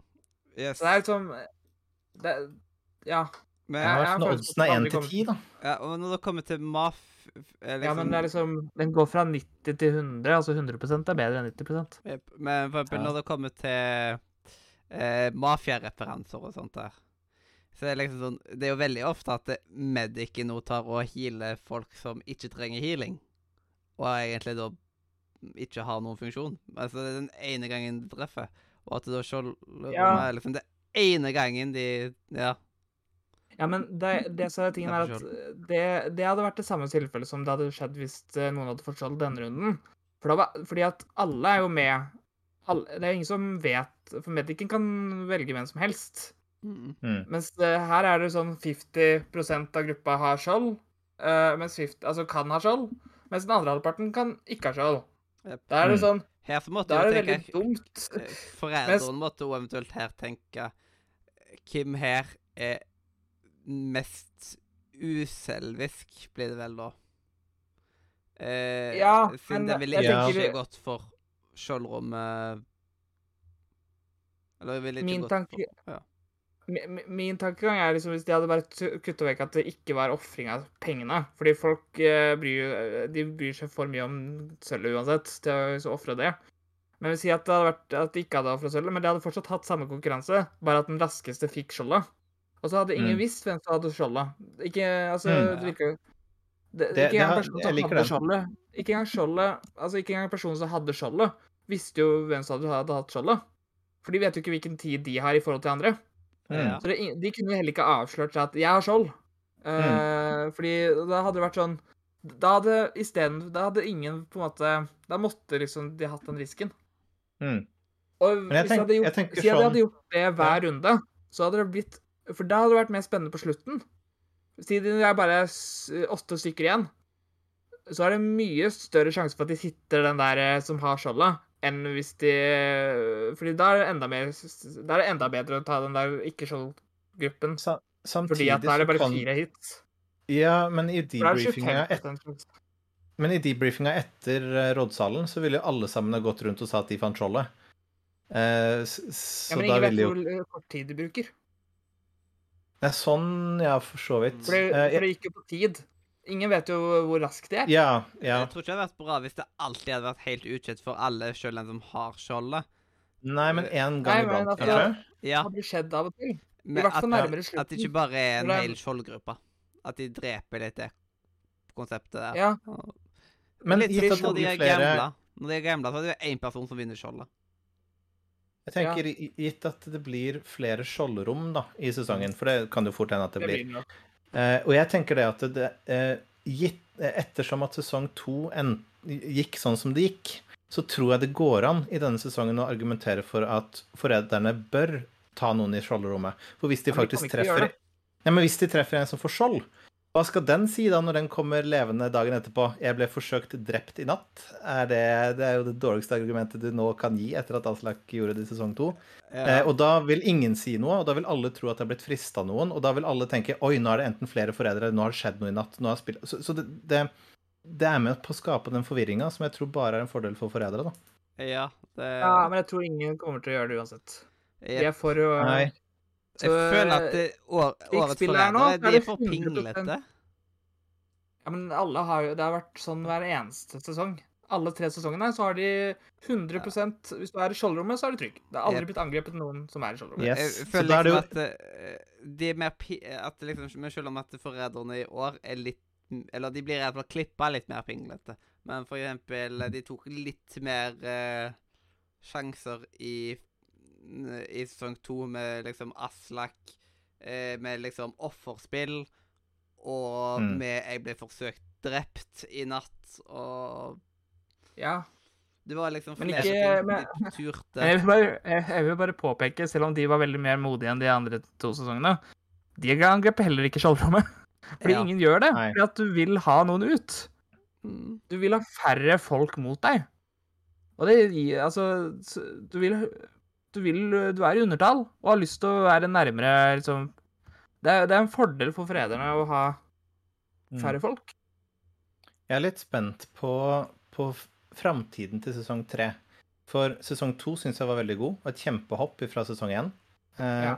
Det virker nesten som Vi er fortsatt på episode tre, så det er litt tidlig å si, men det virker som at det er litt færre profiler og litt færre eh, Altså, du hadde, du hadde så mye greier i sesong to, da. Dette her med den, den dimensjonen med at to personer kommer inn som kjenner hverandre veldig godt, det traff forræderkonseptet veldig godt. Jeg håper de bringer det tilbake. Eh, men vi må etter hvert nå, føler jeg, i sesong tre begynne å se litt profiler som tør, å, som tør å stå litt opp og tør å si litt. Ja. Eh, ikke bare mot slutten og sånt. Som, som kan, litt sånn som Aslak, han tok en kjemperisk når han ble forræder. Det var en utrolig morsom episode. Du hadde Tarjei som vimsa rundt, og, hadde, og Anne B. Ragde også, altså, som skapte litt, eh, litt TV, da. Ja, for det, jeg, jeg føler at det er veldig det, det virker litt sånn som Det er veldig tydelig at dette her er liksom Det føles veldig som en ses, Vi har hatt flere sesonger, fordi at alle er litt sånn derre De er nærmest bare Ha-ha-ha, vi er på reder, jehu! vi, er på, vi er på TV! Yay! Ja. De virker litt mer forsiktige denne gangen. Yes. Og det er kanskje ja, er grunn til det også. Det er liksom ingen som er så veldig sånn høye. Det er ikke noe så høylytte. Det, Jeg tror det er, altså, Men jeg tror jo at uh, siden i sesong én så var det veldig saueflokkmentalitet og sånt. Og det, var, det er jo alltid litt av det, men nå er jeg liksom Nå har de gjort litt mer kål på det, eller hva man skal si. Så nå var det jo liksom relativt eh, jevnt Liksom jevnt mellom flere, og når de måtte ha en omstemming og alt mulig sånt. Og da Mm. tror Altså, jeg òg at de tør har jo ikke ta så mye sjanser som forrædere nå. Fordi de vet at eh, de lojale er mer eh, på. Ja, altså Metaspillet har jo flytta seg veldig fra sesong 1 til nå sesong 3. Og det er jo veldig godt å se den utviklinga. Jeg, jeg, jeg håper at neste steg i den metaen er at de som snakker høyt og har teorier, ikke er de som blir stemt først hjem eh, i rådsalen med en gang. Eh, for det fører jo Ja. også til at man blir redd for å snakke. Mm. Man, er man er redd poeng. for å Ja, man, eh, så eh, I hvert fall vi, vi som har spilt en del Mafia, Mathias, eh, Ja. vi starta jo der at de som snakka, de røk ut. Ja. Og så begynte man å skjønne at oi, de som snakker, skaper faktisk Altså, de gjør spillet interessant. De gjør det levende. De kommer med innfartsvinkler som, som man ikke får hvis de ikke er der. Oi, da holder vi de lenger i live, da.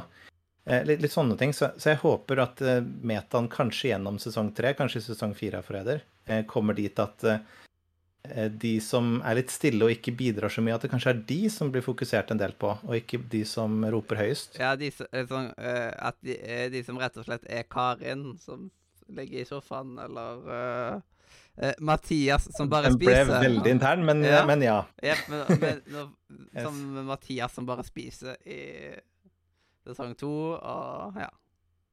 Mm. Yes. Uh, Ja. Og Jeg trodde, bare, bare for å ta, en, ta det videre fra, vekk fra konkurransen og så tilbake igjen til uh, taktikkeriet før rådsalen, da. Uh, jeg var ganske sikker i denne episoden her på at Morten kom til å stemme på en annen forræder. Kaste en annen forræder under bussen. Eh, og jeg tror han burde nesten ha gjort det, litt fordi han er så uskyldig fra før. Eh, og det å klare å treffe en forræder kunne Altså, det kan jo bikke vegg i veier, selvfølgelig, men det kunne økt hans alibi, da. iallfall hvis det er på fra, eh, fra veldig tidlig av. Mm. Etter hvert så vet Ja. jo folk at uh, forrædere må nesten kaste hverandre litt under bussen. Det, det er ikke noe Mm. vei utenom, nesten. Men det å starte i ganske tidlig i spillet og gjøre det, det tror jeg hadde vært et sjakktrekk, akkurat sånn som metaen er nå, da, i, eh, i Forræder. Mm. Det, Han hadde et sånt lurt smil der, så jeg, jeg trodde han skulle pønske på han har ikke på funnet sin tredje forræder, men hans tredje forræder kan jo faktisk være en av de andre forræderne. mm. det, var det, jeg- det, var, det var det jeg håpte på, at han skulle, når han sa det, at jeg har funnet to, og så tar vi Tamana eller vi tar Karina som nummer tre. Det, jeg Egentlig det, lureste han eh, kan gjøre, er å ta ut eh, Karina, fordi uh, han har litt å gå på på hun i tillegg. Ja. Mm. Ja, hvis han skulle altså, gått for en av de to det- andre. ja, det er også den der at hvis øh, det, det er smartere å bygge på den som allerede har teorier mot seg, altså mye beviser mot seg. Rett og Fordi slett at- finne hva- det Torstein. fordi- Ja, for de tenker at Hun har jo allerede masse beviser på seg. Så hvis han starter å lage masse beviser mot hun andre, så vil begge to ha masse bevis mot hverandre, i motsetning til at så da hun han kasta Ja. Da, kastet da er begge Men da bør da han heller ta helle bensin på det bålet som allerede brenner på Karina. Ja. Mm. Ikke for å hoppe over på menneskegrilling her, liksom. Det var ikke meninga. Og så det en annen ting som også er veldig positivt, er at hvis hun også starter å forsvare seg, Mm. så virker det veldig random. Fordi at eh, Morten er veldig sånn der eh, Han, han er virker uskyldig. Alle tror han er uskyldig. Så hvis hun plutselig bare 'Men du, jeg, jeg så masse ting', og så plutselig eh, viser at hun er forræder, så kommer Ja. Morten til alibi til å virke enda sterkere. Antageligvis ville det, ja. På grunn av at uh, han allerede er sett som en skyldig. Ja, Det virker som at Morten er i en posisjon der han faktisk kan eh, spørre f.eks. Karina da litt sånn En tjenesamtale mellom de to, men ut på plassen der hvor resten hører på litt, de også. Men at han begynner å stille henne spørsmål med Ja, hva var det du egentlig mente der under frokosten? Hva var det du mente der i bilen? Eller Altså disse tingene, da. Det Eh, og så kommer folk til å slenge seg på. Jeg tror det hadde vært en utrolig fin taktikk av Morten å gjøre. Eh, derfor er jeg litt skuffa over at han ikke gikk der. Eh, men ja, det fins jo flere episoder. Hvem vet? Ja. Selv om jeg er litt i tvil, fordi liksom Han, er ikke, han virker ikke som den skarpeste forræderen. Uh, Han virker også, han virker også litt sånn sånn Den trioen virker veldig vennlige mot hverandre, så jeg tviler på at de hadde gjort det. Ja. Og så er de altså Altså, Aslak er jo en veldig flink taktiker, liksom. Så han uh, tenker flere steg, for han Han altså Han har jo vært eh, Han har vært med på mye ting, han. Han er jo flink i både sjakk og det er jo ikke måte på. ja, men Aslak han gikk jo ikke på Torstein før han innså at det ikke funker lenger. Ja, Eh, han turte ikke Han gikk ikke på Torstein før det var for sent. Nei, nei, men han Så, eh, ja. bare kasta seg på den bølgen veldig sterkt for å prøve å få Ja. et alibi. Ja. Men det var Men jeg tror et alibi-. Ja, men jeg føler et alibi funker bedre når, eh, når det kommer før det er for sent. Ja. Litt sånn, da. Ja. Ja. Ja, men altså f- Ja. Nei, jeg, jeg tror ikke Morten kommer til å gjøre det. Men uh, vi får se. Ja.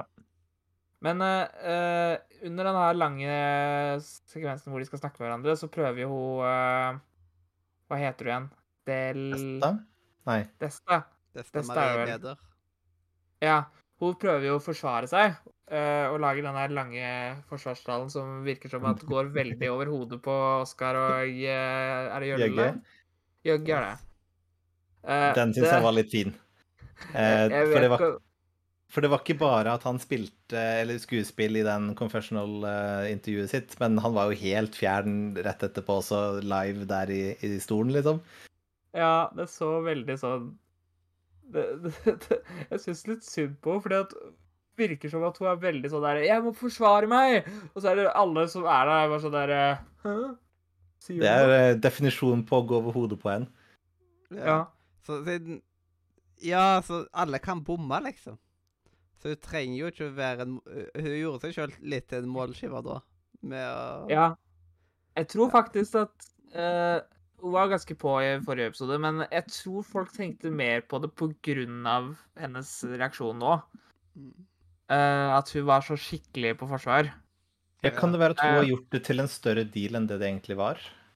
Ja, for jeg føler liksom han, Hun var jo ikke den eneste som var på, på Fridtjof. Uh, men uh, så det var jo ikke bare hun som hoppa på han.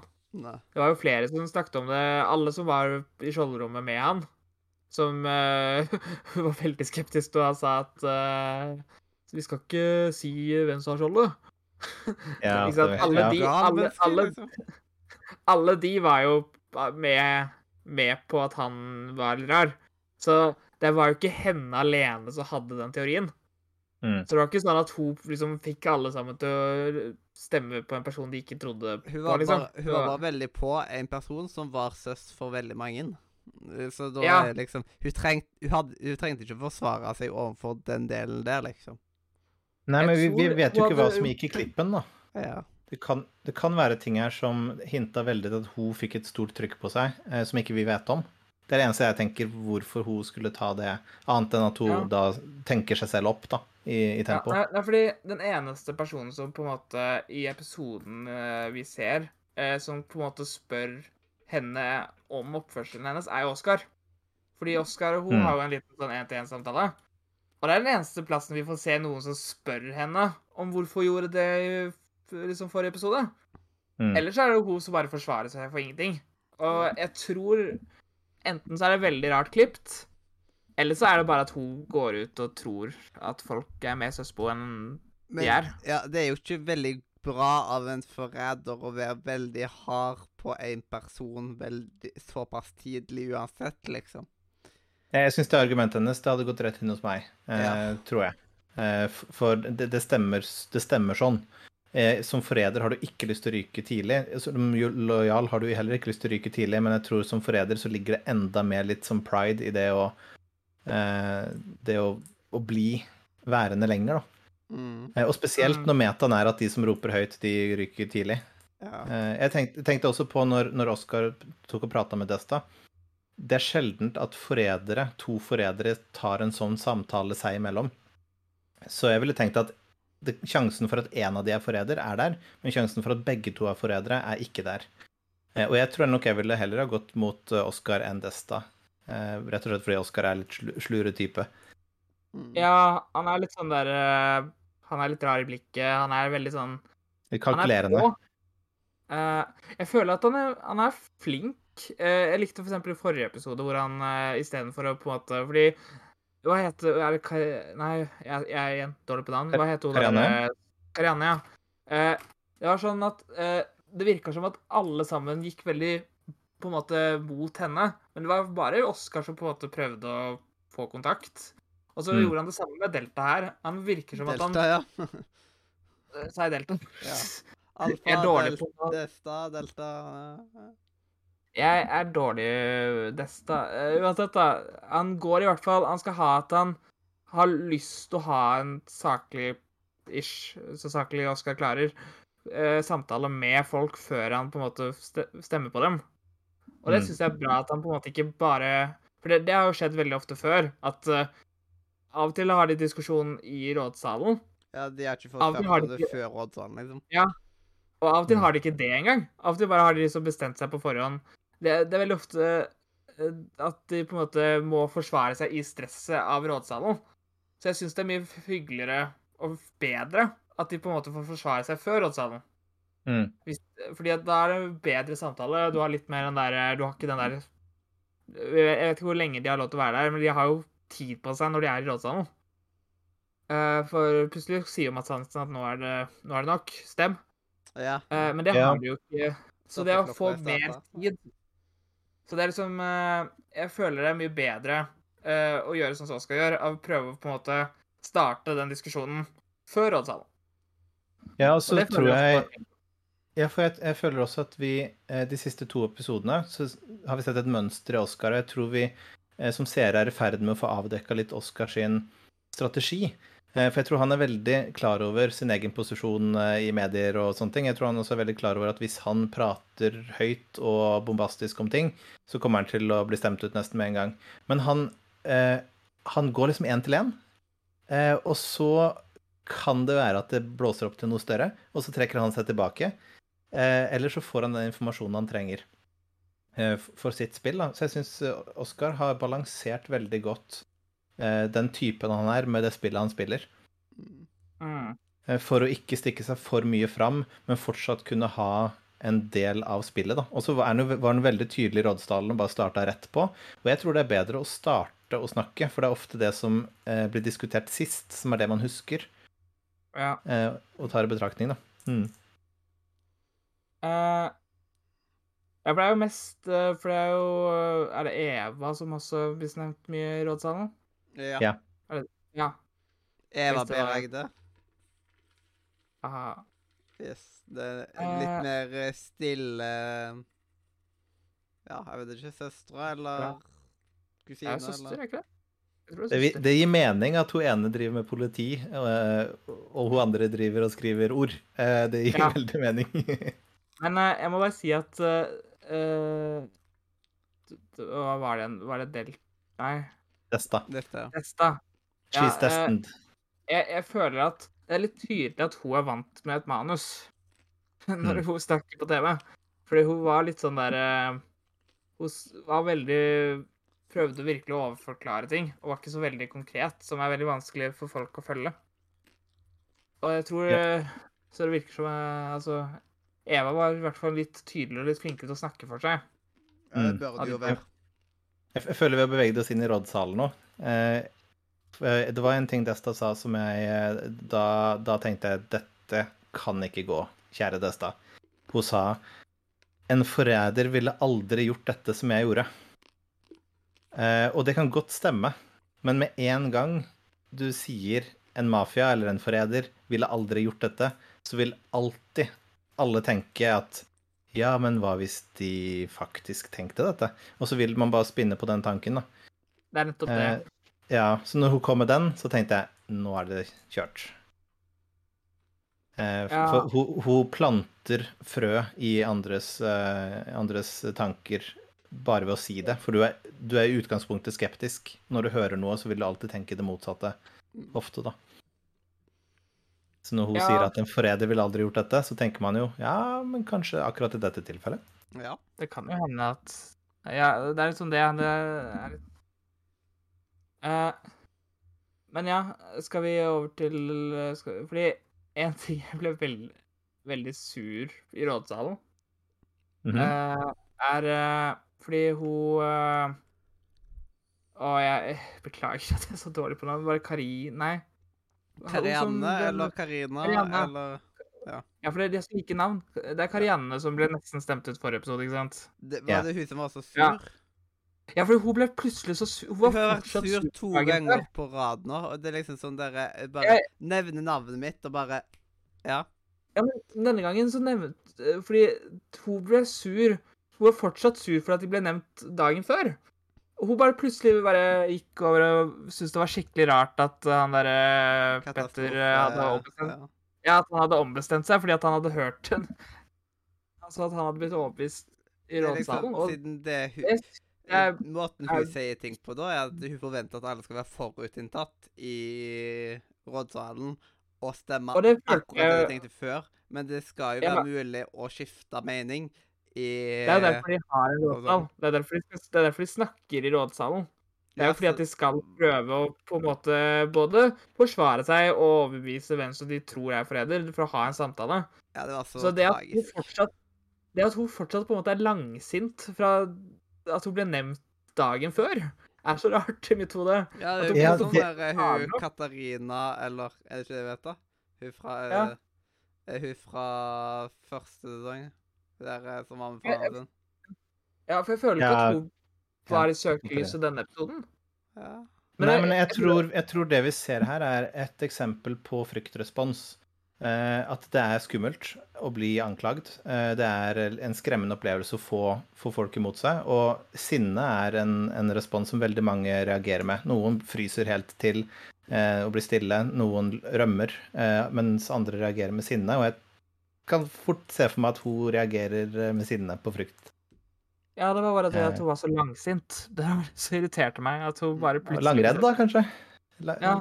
fordi at, så er det sånn, det, det er argumentet hennes. At eh, liksom Å, du var jo så sikker på meg, og så stemmer du på noen andre! Bare fordi de hadde en dårlig forsvar. det er jo ikke Altså, bra. Du burde sagt ja, beklager, jeg skal ta stemmer stemme på deg i dag. Svømmeskuls. Men jeg, jeg, føler at det var det svaret han ga, ga jo mening. Et veldig det er fornuftig svar. Ja. Mm. Jeg føler at han Petter var sa det han kunne si der. Ja, det Eh, var et overraskende fornuftig svar ifra en Ja, hva skal man si? En festglad person.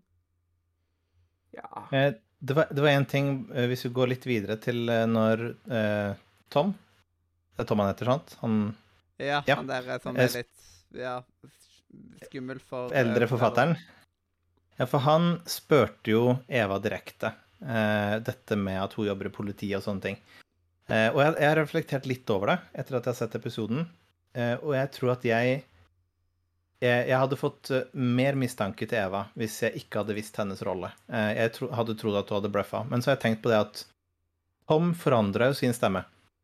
Og jeg tror det handler veldig mye om at Tom er en eldre person. Han forstår et, et menneskes integritet og hva det faktisk sier betyr, dette med å eh, jobbe i politiet og, og disse tingene. Så eh, jeg tror at eh, Adrian som spiller eh, ville nok ha bare sagt at å, dette er en forsvarstale du prøver å overbevise oss om det motsatte, jeg stemmer på deg nå. Men jeg tror Tom har den erfaringen og forstår mennesker såpass godt at han kunne ta det valget da, Mm. om å gå vekk fra Eva. Eh, Jeg, jeg syns det var veld, veldig fascinerende å se det. Eh, Sånn, det. Det var sånn derre wow, Tom kan faktisk hende at blir en av mine favoritter denne sesongen. Hvis han fortsetter Hvis han lever Eh, med dette. eller? Ja. Ja, ja, ja. ja. Eh, Men hans integritet, eller eh, måten han tar menneskets integritet inn i betraktning, eh, også i spillet, det syns jeg var egentlig veldig flott å se på. Ja. Ja. Det Ja. Eh, men spesielt jo liksom i, eh, i politiyrket så er det nok litt sånn jeg, jeg tror de føler ekstra press der.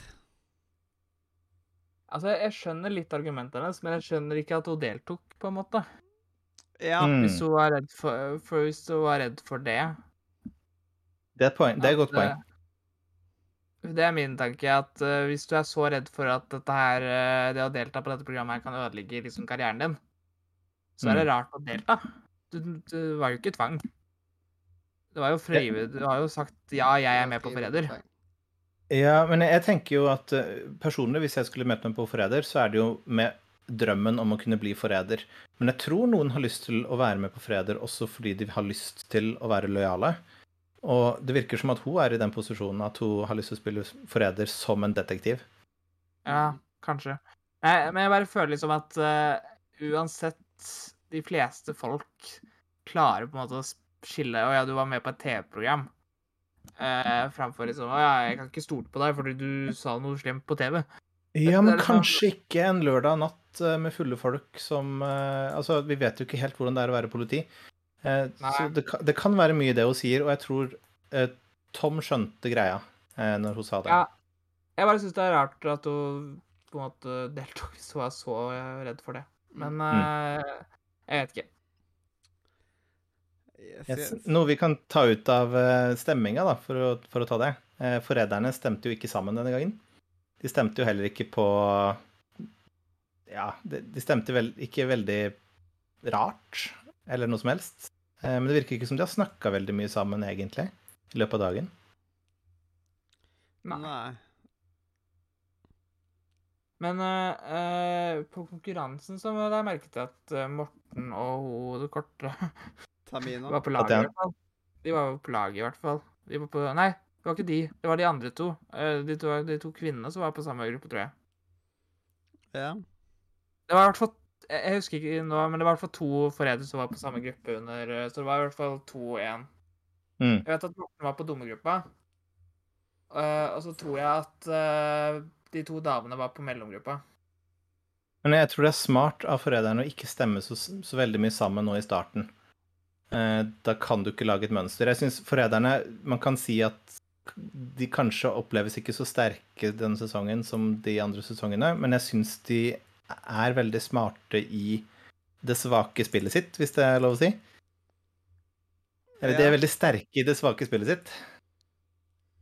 Eh, Ja. Det, er veldig, det er veldig vanskelig å finne et mønster. Det er veldig vanskelig å linke de. Eh, Hvis en av de skulle ryke, så er det vanskelig å skulle gå videre på neste. Eh, Så jeg tror forræderne har ganske store forutsetninger for å lykkes denne sesongen også. I hvert fall komme til finalen med to stykk, da. Mm. Ja.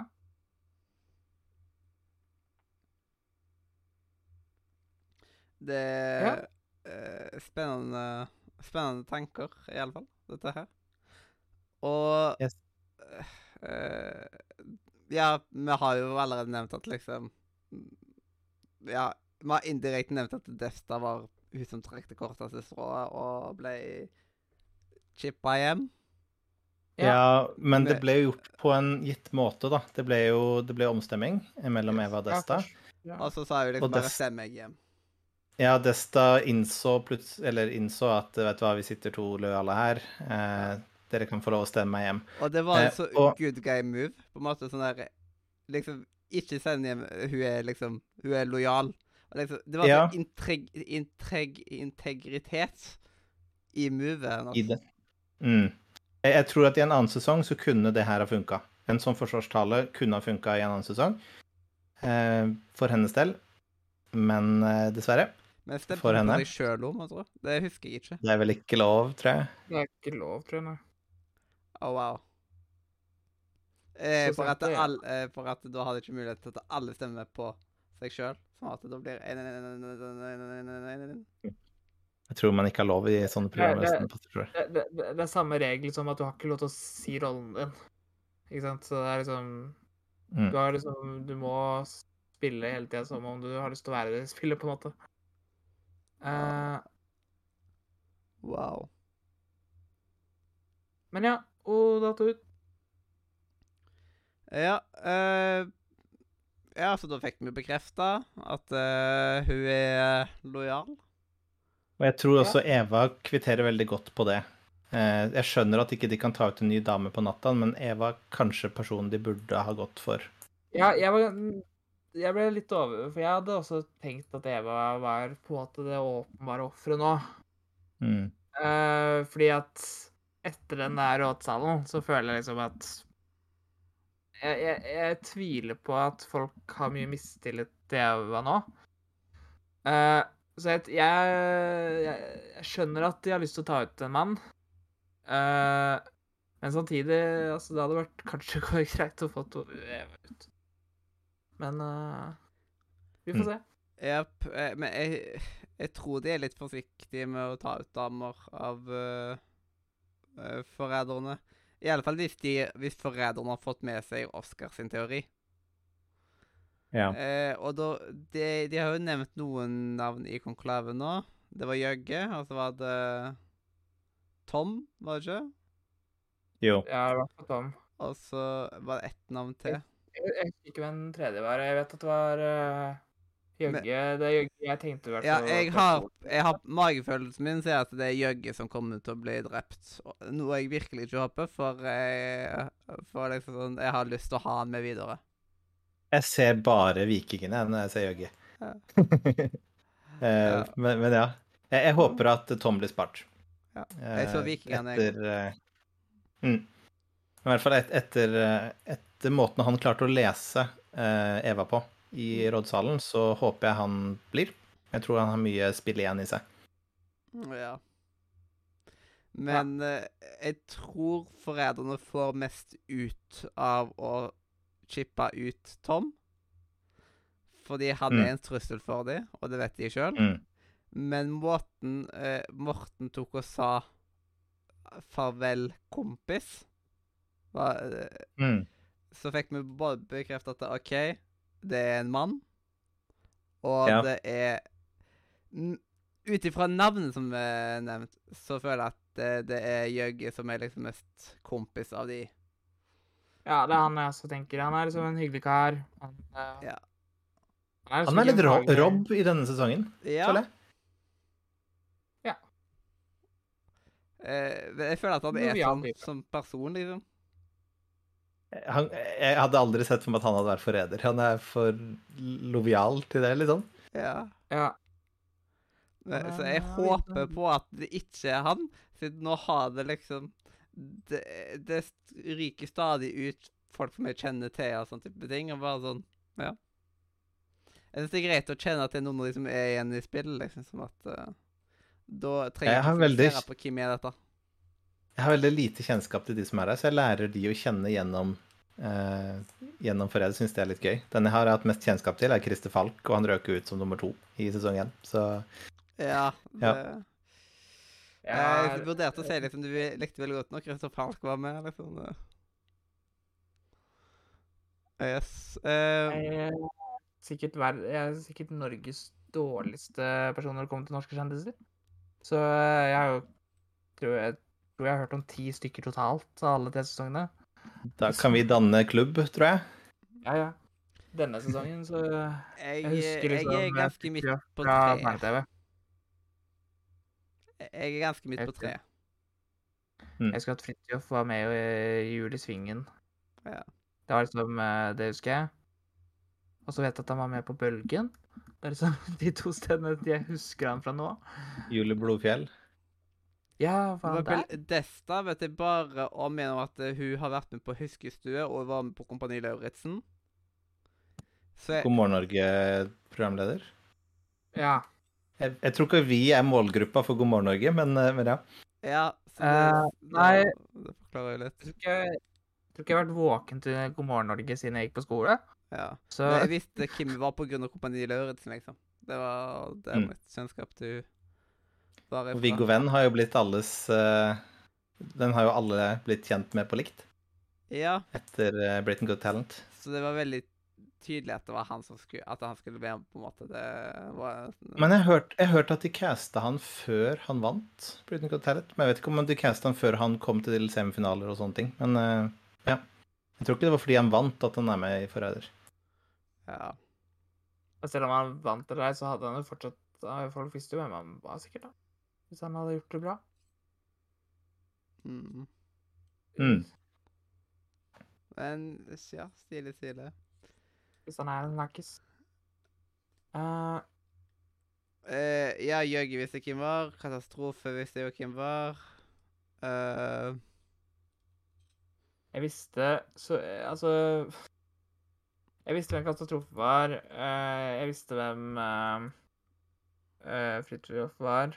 Eh, jeg visste jo tekt... Jeg, jeg hadde sett Jøgge, men jeg visste ikke at det var han. Jeg har jo sett Snøfall. Sånn.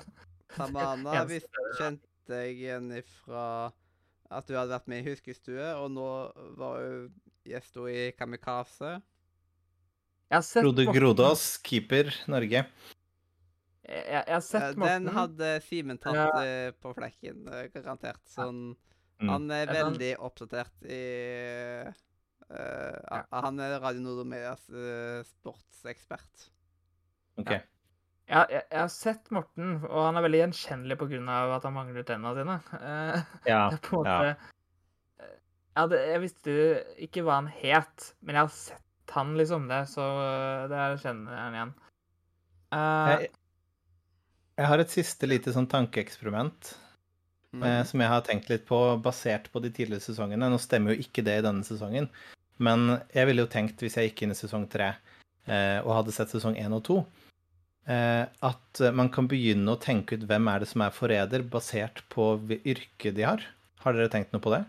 At eh, når det først er en YouTube-personlighet i Jonas, og så kommer Viktor, som også kan lage et eller annet React for TV2, eller altså Da ville jeg begynt å tenke at hm, kanskje Desta eller noe, noen andre som har en kobling til en sosial plattform, eller, eller Oscar, for jeg, eksempel. jeg, jeg hadde tatt for meg enten Oscar eller han der eh, Hva heter han andre unge? David. David, ja. Eh, for Ja. de to er på en måte yep. Og, den sosiale mediestaren. Da hadde de liksom hatt liksom en sosial mediestar. og Simen uh... har jo vært veldig på dette her med liksom at eh, Han er ganske sikker på at i sesong én og sesong to så var så var det produksjonen som egentlig tok og bestemte for var- Liksom. Jeg tenker i hvert fall sesong to. Jeg tenker i hvert fall sesong én. Uh, mitt argument der var at uh, først var jo han Randulle-fyren uh, yeah. For han takka jo nei. Og Så- så, ut ifra alle folka som det kunne vært, så var det den andre utøveren. Mm, det er et poeng. Det er sånn, Hva er oddsen for det? Det, det er ganske lave odds. Men samtidig, at dem promoterer på sin YouTube-kanal, kan jo være en god ting. Men jeg tenker i hvert fall i sesong to med Viktor, når de faktisk får sitt eget show på TV2 sine kanaler, Ja. så begynner jeg å tenke at her er det et eller annet, da. Ja, for jeg, jeg tenkte bare at det var veld... Jeg, jeg tror de hadde veldig lyst på den trioen eh, i starten. Det er derfor mm. Det virka sånn Det var så altfor tilfeldig at den andre unge youtuberen det, det er liksom Sesong én var Mm. veldig Det var litt for tilfeldig til å virke sant, på en måte. Mm. Ja, publisitet Eh, er altså- bra. Men Ja. i sesong tre så eh, kan det jo være at de, at de har rett og slett gjort det helt tilfeldig og for at, det da, for at ikke meteren skal ta det igjen. Eh, men jeg Ja, om de gjør det Hæ? ja, om de gjør det tilfeldig eller ikke i sesong tre, så føles det i hvert fall tilfeldig. ja, en, og en, Eh, og det oppleves godt. Ja, en vri de gjorde i sesong to, likte jeg veldig godt, der forræderne valgte ut den tredje forræderen. Mm. Ja, Og det syns jeg de egentlig burde tatt med i sesong tre. Ja. Liksom Men sånn igjen så var det sånn Det var jo uunngåelig at Torstein ikke skulle bli forræder, tenker jeg da. Jeg satt og tenkte sånn OK, han blir ikke forræder, men han kommer sikkert til å bli frista en gang fordi det er Torstein Bae, liksom. Eh, han er den perfekte forræder, og når du får profilen hans i til kappa og alt, så er det bare sånn OK, greit, du er født til å være forræder i dette programmet, litt, liksom litt sånn. Mm. Eh, Jeg følte han var litt destined til det. Så jeg vet ikke om de gikk tilbake på det fordi de så at eh, det er, det er mye lettere for folk å finne den forræderen hvis noen kan velge, Men da hadde de jo ja, fått ut en forræder tidlig, og da eh, hadde det vært liksom Da hadde de fått vann på mølla, eller ja, diesel på bålet. Bensin på bålet. Ja. Igjen så, igjen så føler jeg ikke at det å få ut forrædere i første halvdel av en sesong er noe poeng. Ja. Nei, ikke heller, men eh, det blir jo motivasjon, da. Jeg skjønner liksom at folk er litt motiverte til det. Altså, de som ikke er tenker fremover, så blir det sånn Å, yeah, vi, vi har vunnet litt. ja, det er liksom de Fått en litt godfølelse. forræder, liksom. Og så er det sånn derre Mm. Å, fuck, vi har egentlig bare gjort oss At vi har begynt på nytt. Mm. Ja, de har gjort Det- det blir jo det der. en bjørnetjeneste. Men en ting som er positivt om med at de tar ut forrædere i starten, det er at da får de vekk at det er produksjonen som har styrt hvem som er forrædere, til at det er forræderen som har valgt ut forrædere. Og da har man på en måte en ny tankegang å tenke på liksom hvorfor skulle Kim kun, Hvis du hadde vært forræder, hvem hadde du ville hatt med deg som forrædere? Siden da Mm. vil du på en måte ha noen som kanskje er litt taktiske, eller folk som ikke har så mye søss på seg. Det er liksom, Hvis det er noen som Ja. blir nevnt mye jeg, jeg kan være ganske på at de har Mm. ikke tatt Da er de bare dumme, liksom, hvis de nå har tatt den som har vært på hoggestabelen så ofte. Jeg syns det er rart at Aslak ikke ble avslørt i sesong to, rett og slett fordi er at han er et han er et mareritt å ha mot seg som, som forræder hvis han er lojal.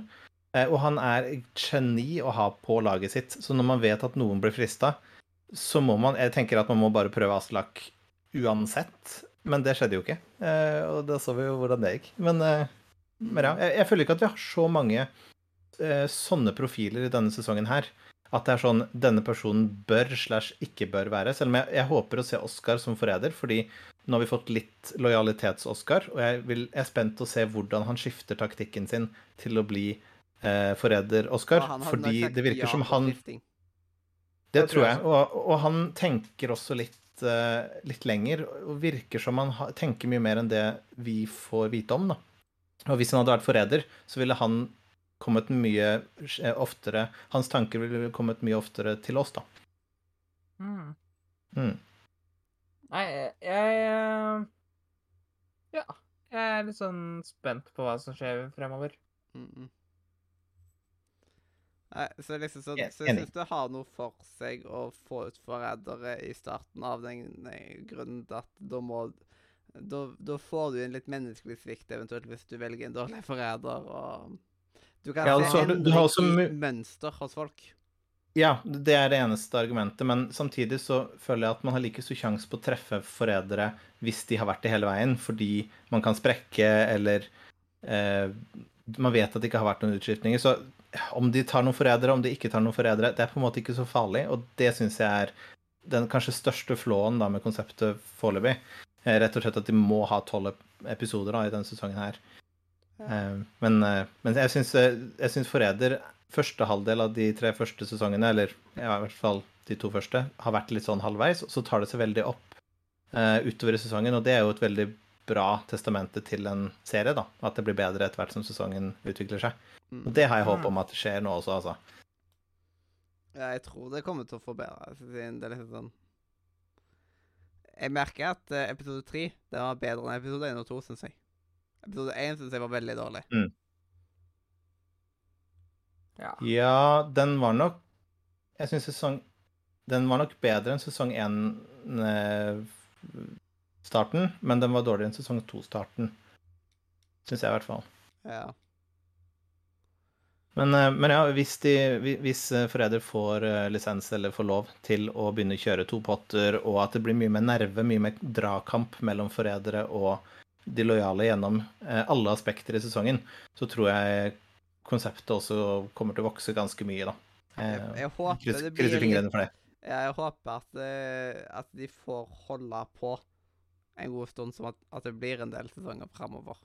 For det, det det er en sjanger det er, veldig, det er veldig lite av det på norsk TV. Og så er det noe friskt og nytt. Det er ikke, det er ikke et reality-konsept hvor alle samles i et hus og eh, bare gjør ting. Her er det et veldig fastsatt konsept eh, med Ja. utstemminger og nerve og ja. Mm. Det, det er sant. Og, Selv om jeg håper at de, de åpner for vanlige folk, da, for kjendis-reality Det konseptet begynner å ta på seg uansett form. Eh, vi er jo Altså, hvor mange kjendiser, eller so- so-called kjendiser, er det som ikke har vært på alle disse kjendisshowene opp igjennom nå? ja. Eh, Ja, jeg nei, tror, for ja. eh, Det er litt sånn den der at eh, jeg, jeg skjønner hvorfor de bruker kjendiser. Det er jo fordi at eh, det selger. Mm, Men det er liksom det, det, det hadde vært gøy å sett hvordan vanlige folk ville taklet en sånn situasjon. Å, yes. jeg, tror nok, jeg tror nok vanlige folk som har blitt fan av programmet, og som har sine egne teorier, og som tenker mye mer på programmet, vil være med å pushe metaspillet mye raskere framover også. Jeg tror det også tror, bare kan være en positiv ting. En ting jeg tenker på, er at vi har veldig mange folk som på en måte bare er med, og er ganske stille og er sånn bakgrunnskarakterer. Mm. Jeg tror du mister det. Eh, altså at du, alle blir spillere, som er en positiv ting, mener jeg, da. Hvis du, ba, hvis du har liksom, folk utenom. For da er det folk som har vært engasjert i programmet og er gira på å være med. Men så er det på en måte Mm. sånn der Ja, jeg kan, jeg kan sikkert være med på enda et realityshow. Uh, Mm. ikke sant? Hvorfor ikke? Uh, jeg har vært med på alt annet, så hvorfor ikke dette her også? Uh, Akkurat han da Staysman som har vært med på liksom alle andre reality-show som fins. Så han kommer sikkert til en eller annen sesong. Mm. Men jeg, ser for meg at Forræder kan bli den nye Robinson. Robinson varte vel i 15 sesonger eller noe sånt, før det eller 14 før det tok en lang pause. Det kan Jeg fort føler- hende at Forræder også får tosifra antall sesonger på seg. Jeg føler at det som drepte Robinson aller, aller mest, var for at det gikk på TV3. Ja, jeg skal ikke gå inn i den debatten, for jeg har veldig mange meninger der. Det kan vi spare til en Robinson-podkast. Men eh, jeg syns det er synd sånn som Norge har tatt Robinson. Men eh, jeg har troa på at de kommer til å ta Forræder i en positiv retning, da. Ja. Mm. Eh, eh, jeg har mista veldig troen på lineær TV generelt, fordi det er så sykt mye reklamer og Jeg har ikke YouTube, Jeg som ikke er premium, for eksempel, er jo fri for reklame. Nei. Ja. Vi, ser, vi blir dynka ned med reklame hver Ja, dag. bare at det er ikke så Ja, lange det- reklamer, og man kan se det akkurat når man vil. Jeg har Jeg- både Twitch Turbo og YouTube eh, Premium, så jeg reklame ser jeg ikke. Nei, ikke sant? Twitch Turbo, ja. Det, jeg har, Ja, Er det nytt navn på den nå? Jeg tror dette Det har vært- altså hvis du mener Prime. nytt sånn Nei, Twitch Prime noe annet. Uh, Twitch Turbo har vært siden sånn 2014 eller noe. Så eh, hvis du mener nytt, sånn som de siste ti eh, det er, Jeg husker ikke når Twitch Turbo kom. Twitch Prime er noe helt annet. OK. Ja, jeg, jeg Eh. lever jo livet mitt litt for å prøve å unngå reklame, men så finner jeg meg selv spille noen generiske mobilspill med, med reklamer som man må se for å få fordeler, så Ja, Vet det, ikke. jeg har gjort litt av det sjøl. Og ja, jeg liker det ikke i det hele tatt. Altså, Eh, 2013, -huh. 2013 så kom Turbo. Ja. Februar 2013. Så veldig nytt konsept. De fant opp for ti år siden. Når jeg må se reklamer, så legger jeg alltid mobilen vekk. da. Så jeg trykker liksom 'spill av', setter mobilen ifra meg, og venter til jeg får krysset, og så krysser jeg det ut. Men bare sånn, eh, tror dere at det er forræderne som vinner denne sesongen, eller de lojale? For nå har vi 2-0 til forræderne. Jeg har en liten tro på at eh, de lojale kan slå til nå, så- liksom siden nå Jeg er fortsatt uh, overbevist om at uh, forræderne har for mye fordeler, med fordelen at de bare kan komme inn nye hvis de mister noen. Så Mm. jeg tror Ja. fortsatt forræderne vinner. De har, de har jo heldigvis en cap som at etter hvert på et tidspunkt så kan de ikke friste eller tvinge folk lenger og sånt. Eh, det, det må ser- være en i finalen. Ja. Det er liksom sjansen for at uh, Fordi det som er tingen, er at uh, hvis De må det, det er veldig stor sjanse for at det er to forrædere til finalen. Mm. Med mindre de hitter eh, Fordi ting er at uh, fram til før semifinalen så kan de uh, til og med tvinge. Nest uh, Men hvis, hvis, de, altså hvis det skal være én forræder til finalen, så må de treffe den på semifinalen. Mm. For ellers er det to. Og da har det- forræderne også to stemmer. Dobbeltstemme, nesten. Yep. Men det er jo Det er jo litt sånn eh, Det, er vel, det ble vel å være tre lojale sånn, På det meste så er det vel tre lojale og to forrædere i, i Mm. finalen. Jeg tenker sånn, jeg er alltid Team Forræder, fordi jeg syns uh, de bør ha en ulempe, eh, og jeg heier på underdogs. Men uh, hvis det blir forrædere som vinner denne sesongen her, så er det 3-0 til forræderne. Da må nok produksjonen prøve å mikse opp litt på formelen.